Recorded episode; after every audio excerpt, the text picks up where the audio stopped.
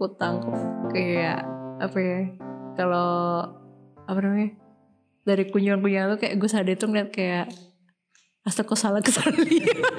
Kayak apa namanya menarik banget itu kayak hampir kayak arsitektur dan apa namanya tata letak kan sebenarnya itu. Terus sedangkan kalau dari Sukarya ya sangat kuat di ornamen itu aku lihat gitu kayak yang di mana ya itu juga terefleksi di karya-karyamu sih kayaknya aku sih ngeliatnya gitu terus apa um, nah ke depannya nih kalau dari Sukarya Bugis ada itu um, apa ya kira-kira kayak konsep-konsep apa yang bakal kamu kembangin gitu ke depannya setelah residensi ini? Ke depannya mungkin ya lebih ke bukannya meninggalkan ya, meninggalkan ukiran depan ya melangkah lebih maju lagi lah menurut saya pribadi. Lebih ya ukiran mungkin bisa lebih disederhanakan lagi uh, atau enggak uh, kita singkirkan nggak nggak nggak juga sih nah belum kebayang sih nanti kita akan bikin apa tapi ide-ide itu ya seiring berjalannya waktu mungkin bisa dikembangkan lagi untuk untuk karya-karya ke depannya dan saya juga punya ide uh, nah uh, setelah menggunakan kulit ini saya kan sudah beberapa tahun dari 2018 menggunakan media kulit. Nanti mungkin saya akan mencoba membuat kulit tapi dari dari kain gitu. Udah ada sih idenya, cuman eksekusinya belum. Masih masih asik sih di kulit. Ah, cerita gini kan kalau melukis itu kan biasanya kan ke samping dia. Ke samping dia menggores ke samping kalau aku naik turun rasanya jadi biar seimbang itu tampak darah kalau di Bali Oh, sekaligus kayak ceritain apa sih yang di misalnya yang akhirnya dipamerkan ini? Aku memamerkan karya sebanyak berapa nih? 6 6 karya dan studi ya studi-studi pas ke Jawa Timur sama ke Merapi dan juga ya skate-skate iseng-iseng di di sangkring sama teman-teman. Uh, karya-karya ini aku saya bikin tuh mungkin bisa dibilang sebulan sebulan lebih, lebih sedikit ya. Karena setiap karya tuh aku bikin tuh kira-kira empat hari lah, empat hari sampai lima hari itu satu karya. Jadi kebanyakan kita tuh diajak berkeliling mengenal atmosfer di sini. Yang pertama tuh ya sisi kiri aku beri judul sisi kiri karena kebetulan kan di atas kita kan di lantai tiga dan kamar kita tuh menghadap ke timur jadi jadi kiri kiri kita tuh sawah gitu loh sebelah ini sawah jadi awal tuh bingung mau buat apa dulu. Pagi-paginya aku bikin catatan catatan sendiri itu. Wah coba bikin inilah kembangin gitu. Jadi terjadilah itu. Nah setelah itu selesai itu kita diajak ke Jawa Timur. Jadi berubah drastis gininya karyanya. Dan kebanyakan juga aku tuh menggambarkan candi dan juga pohon. Karena candi yang aku temui di Jawa Timur tuh kebanyakan pasti di sebelahnya tuh ada pohon besar gitu loh. Gak cuma di Jawa Timur juga di Pelausan juga aku lihat ada juga candi eh, apa namanya bangunan candi yang ada pohon bodi besar gitu yang mengikat gitu. Sangat menarik banget gitu. Akar-akarnya yang mengikat-ikat candi itu. Kayak dikuatkan lagi gitu candinya. Terus uh, instalasi ini terakhir aku bikin ya karena kepepet ngeblank otaknya bikin apa gitu loh. Lagi. Awalnya tuh bikin mau bikin lingga tapi tak cetak pakai apa namanya tuh pakai ember tapi tetap pakai media kulit pakai ember karena kulit itu kalau di kena air tuh mudah dibentuk gitu. Nah setelah tuh kerasa kurang cocok gitu jadi ya mengalir aja tak, tak gulung kulitnya gimana tuh dia jadi akhirnya dan ya memuaskan juga menurut aku. Dan bilang juga semua audien bilang oh ini bagus ini paling bagus ini. Nah kalau yang Yoni gambar nih ini ada mistis-mistisnya sedikit ya. Pak ke, uh, waktu itu kan aku ke Yoni gambar sama Pak Tu sama Yusa sama Gus Ade itu berempat kita berjalan di tengah sawah kan kebetulan uh, situs ini tuh ada di tengah sawah. Ya ada tuh berjalan 100 meter ada dari jalan raya. Dan setelah kita masuk tuh di kepala nag patung naga tuh di yang mengikat di uni bawahnya itu memang benar ada ular beneran itu sebesar jempol. Dia itu melingkar di sana itu di di atas kepalanya bener dan nggak lari waktu lihat kita tuh. Biasanya kalau ular-ular pada umumnya tuh pasti lari dia kan. Ya, jadi wah ini bener-bener aura mistis nih gitu. Kayak kita berempat itu bengong gitu.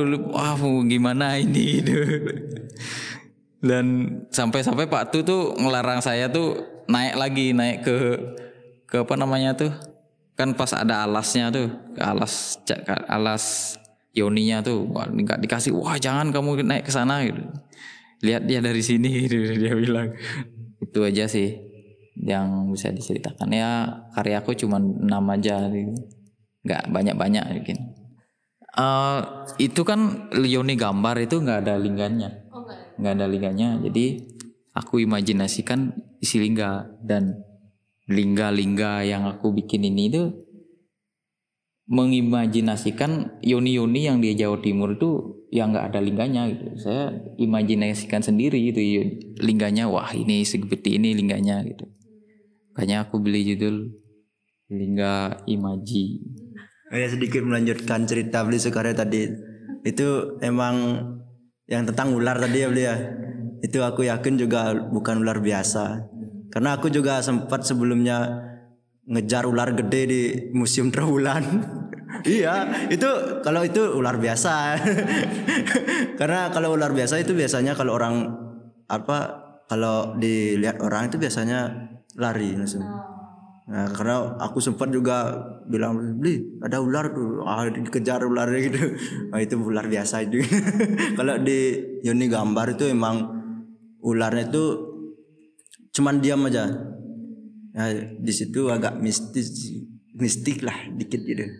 Nah kembali dari obrolan tentang kekaryaan ya yang dipamerkan uh, dari karya karya pertama yang aku buat itu karya yang kecil-kecil yang berjumlah 18 karya ukurannya A5 eh A5 ya A5 itu inspirasinya dari itu serpihan-serpihan bata yang ada di Jawa Timur jadi itu entah aku nggak tahu juga itu tentang apa bekas bangunan candi atau bekas bangunan penduduk di sana itu nggak tahu. Tapi uh, yang aku lihat di Museum Trowulan banyak banget ada serpihan bata dan batanya itu juga lumayan gede gitu gak seperti bata yang sekarang. Jadi ada tumpang tindihnya di bata itu apa bata bangunan-bangunannya itu pondasi-pondasinya ada yang tumpang tindih gitu itu menurutku menjadi inspirasi dalam berkarya makanya aku beri judul um, menyulam serpihan gitu. Jadi aku bisa masuk ke dalam sebuah subjek dalam di serpihan-serpihan itu. Gimana uh, apa peradaban itu kok bisa hancur seperti ini. Aku membayangkan seperti itulah jadi. Dan uh, karya yang selanjutnya itu aku membuat dua karya di kanvas ukuran 90 kali 120 jadi itu sebetulnya juga aku waktu itu ngeblank ya dengan menggunakan alam bawah sadar aja sebetulnya aku membayangkan sebuah candi-candi yang ditumpuk tanpa menggunakan besi itu bisa berdiri kokoh. Jadi metode-metode tumpukan candi itu sebetulnya sangat canggih zaman itu. Saling mengunci bagaimana tumpuan-tumpunya itu sebetulnya yang kulihat padahal berantakan tapi saling mengunci gitu. Jadi ada yang menonjol itu masih kuat gitu. Nah jadi mungkin dari situ jadi eh, aku membuat karya-karya yang kolase gitu, Mem- apa mengambil bekas-bekas kanvas, kanvas-kanvas yang nggak dipakai, lalu aku eh, pecah-pecah menjadi ukuran kecil dan aku kolase-kolase seperti tepuk-tepukan bata gitu.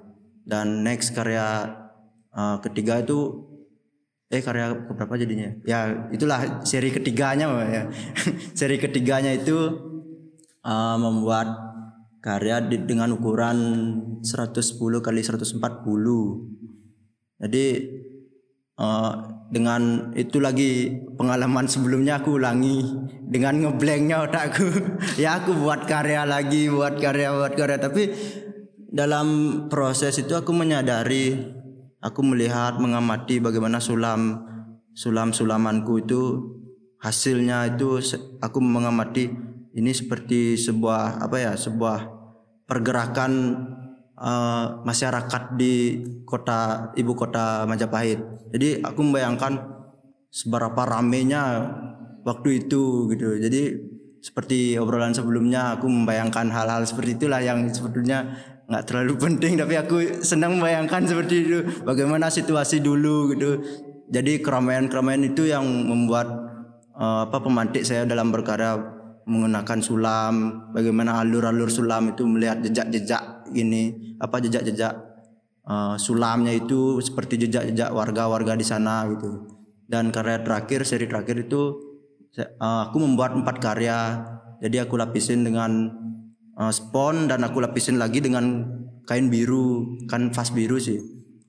Jadi itu maksudnya aku ingin menampilkan sebuah bagaimana kuatnya energi di Candi Bangkal. Karena ketika aku ingin memperlihatkan kuatnya tarian energi itu akan harus menggunakan material gini. Menurutku ya harus menggunakan material yang soft. Kalau menggunakan material yang agak keras itu akan tidak menim- menimbulkan hasil yang kuat sebetulnya. Sama halnya seperti kita ingin menikmati makanan yang sebetulnya makanan itu tidak enak, tapi kita ingin bagaimana menikmati makanan ini seperti enak gitu. Itu harus dengan kondisi perut kosong. Jadi itu se- seperti ya kondisi-kondisi seperti itu yang aku eh, apa eh, bawa ke dalam karya dan menggunakan warna biru juga maksudnya itu seperti aku melihat hal yang sangat jauh, hal yang lampau gitu. Eh, terinspirasi dari langit dan gunung ketika kita melihat sebuah kejauhan itu pasti warnanya biru. Jadi makanya aku membuat eh, warna biru pada karya itu. Ya, mungkin itu aja sih. Itu yang mana? watercolor. Oh, yang water watercolor dan abstrak abstrak itu itu ya itu sebetulnya ya itu dah tadi eh, tentang memaknai sebuah apa ya situasi yang eh, apa waktu luang itu sih. Ketika tidak apa ketika jenuh ketika tidak mem- apa tidak ada kegiatan ki- kita harus ngapain gitu. Jadi kebiasaan-kebiasaan itu yang mungkin harus dipraktekkan kembali di Bali ya karena itu juga belajar membuat komposisi gitu. Jadi kalau misalkan in- eh, aku mem- eh, membuat karya sulam tidak harus menyulam juga gitu. Ha, gores-gores juga gitu membuat komposisi belajar komposisi kayak gitu sih. Hmm. terima kasih. Ah kenapa nih? Oh lagi satu Coba ini apa tentang ke depannya kamu bakal berkarya yang gimana? Oh. Apakah secara arsitektur itu atau karena aku ngeliatnya komposisinya jadi gitu malah. Oh ya. Oh ya, kalau ke depannya untuk membuat karya ya, mungkin karya yang biru empat tadi karena karya yang terakhir mungkin itu yang mungkin sa- eh, aku kembangkan nanti. Jadi eh, ya pokoknya mengalir aja lah seperti judul eh, pameran aku ini menyulam sambil minum air. Jadi aku menyulam sambil minum air me- apa mendapatkan pengalaman-pengalaman menerima pengalaman gitu. Jadi ya ya udah sulam-sulam aja dulu gitu. Intinya menyulam sambil minum air. Sekar mau menambahkan. Sekar ngapain aja?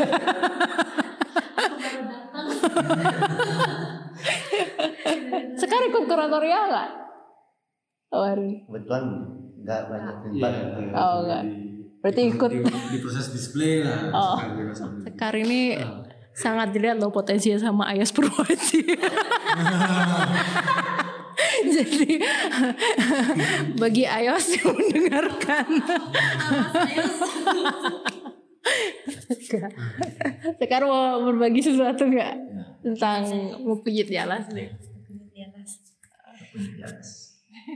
Eh, jadi ini sebenarnya pertama kali aku ikutan bareng dari display pameran dari yang benar-benar awal sampai selesai pameran yang sebesar ini. Sebenarnya bersyukur sih bisa diajak jadi bisa belajar banyak juga gimana cara display terus menyusun karya yang baik kayak seperti apa terus bisa eh ngelihat karya hasil karya teman-teman residensi seperti apa proses mereka berkarya selama di Jogja. Ya bisa dibilang suatu pengalaman yang baru buat aku yang baru menekuni kesenian juga. Gitu dan kuratorial ditambahkan. Dan kuratorial ditambahkan lagi dan manajemen seni lah lengkap jadi kayak eh apa ya? Capek tapi menyenangkan. Eh gimana itu? Capek tapi menyenangkan. Selamat datang. Wah ternyata seni rupa itu kayak gini ya. Pas waktu pertama kali lihat karya wah eh, Pak Bli sama Kak Vincent bilang coba Kar coba susun waduh gimana nih? Dan wah bingung juga ya ternyata gimana biar eh, karya-karyanya itu bisa saling mengisi nggak saling matiin satu sama lain itu. Terus eh, ruangnya tuh kelihatan terisi semua tapi dengan susunan yang sesuai gitu. Terus aku mikir oh ribet juga ribet tapi seru. Eh, ribet tapi seru itu. Em, apa lagi ya? Oh, Sekar yang semuanya?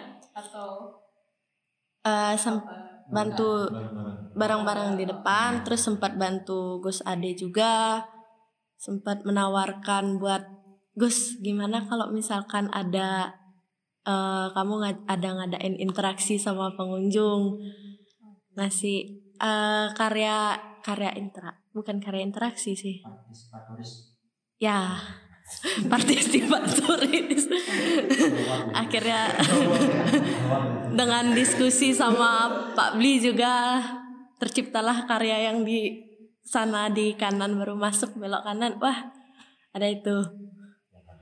Dan kanvas itu.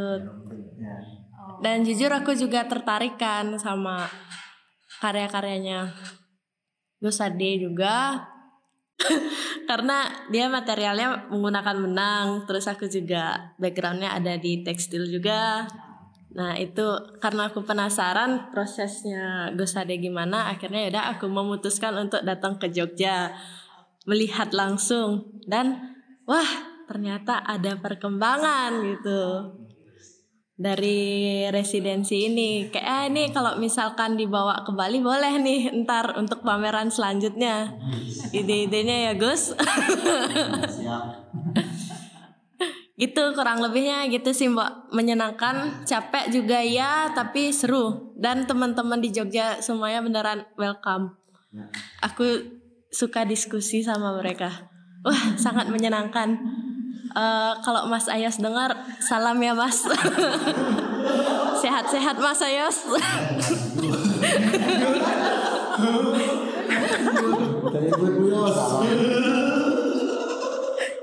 Oke, oke, apa ya? Ya aku sih ngeliatnya kayak ini eh, apa namanya menarik banget ya, maksudnya prosesnya dan bagaimana kayak eh itu aku eh, jadi kepantik tuh sama kata tadi gue sadar ternyata Jogja sama Denpasar tuh sama. Ka- karena aku awalnya juga kayak apa namanya ya aku kan nggak di Sangkring ya. Gua kalau Sangkring kan sama anak Bali gitu kan kalau di luar Sangkring nggak kan sebenarnya. Tapi aku pun merasa gitu kayak dua bulan di Jogja ini kayak kok kayak ya udah lama-lama kayak kayak Denpasar sih juga. Cuma cuma ada teh yang enak tempe yang enak tahu yang enak itu aja. Itu aja. Ya dan murah. Jadi kayak itu. Jadi itu. Tapi aku aku ngerti sih kayak ke Jawa Timur tuh kayak jadi kepantik banget tuh. Kayak aku sih ke, aku belum pernah juga sih ke sana. Cuma berapa kali kayak membaca lihat Pak Tu juga berapa kali ke Candi pernah cerita juga tentang perjalanannya dia gitu. Dan eh, apa eh, kebetulan waktu itu juga kerja di apa satu galeri namanya Dani Satfranda. Itu kan juga sempat apa namanya riset-riset kecil lah. Jadi kayak eh, apa namanya eh, pengaruh ya nggak salah nggak nyalain juga kalau misalnya kayak ke Jawa Timur tuh kayak mirip sama di Bali gitu. Aku pun lihatnya kayak gitu tapi aku belum pernah mengalami gitu. Jadi dari kalian itu mengkonfirmasi. In a way mengkonfirmasi. Cuma aku lebih tahu banyak bukan Majapahit ya malah Singosari ya malah yang lebih. Karena kalau ada tuh satu buku. Mungkin nanti kalian bisa cari juga. Da, lupa namanya. Nama penulisnya siapa? Eh para Marta penyen lah dia juga nulis tentang di Singaraja sih terutama. Di daerah Singaraja. Tapi nggak juga sih nggak Singaraja aja sih. Cuma kayak kesambung kesinambungannya itu sih antara Singaraja sama Singosari dan sebagainya sebagainya. Oke, aku mau ngucapin terima kasih banyak sama teman-teman sudah boleh diinterview malam-malam di antara di antara Sekian episode kali ini. Um, semoga bermanfaat. Jangan lupa untuk follow kami di @rupabali podcast di Instagram dan juga boleh kirim pesan ke email tertera di uh, Spotify kami. Terima kasih dan sampai jumpa di episode selanjutnya.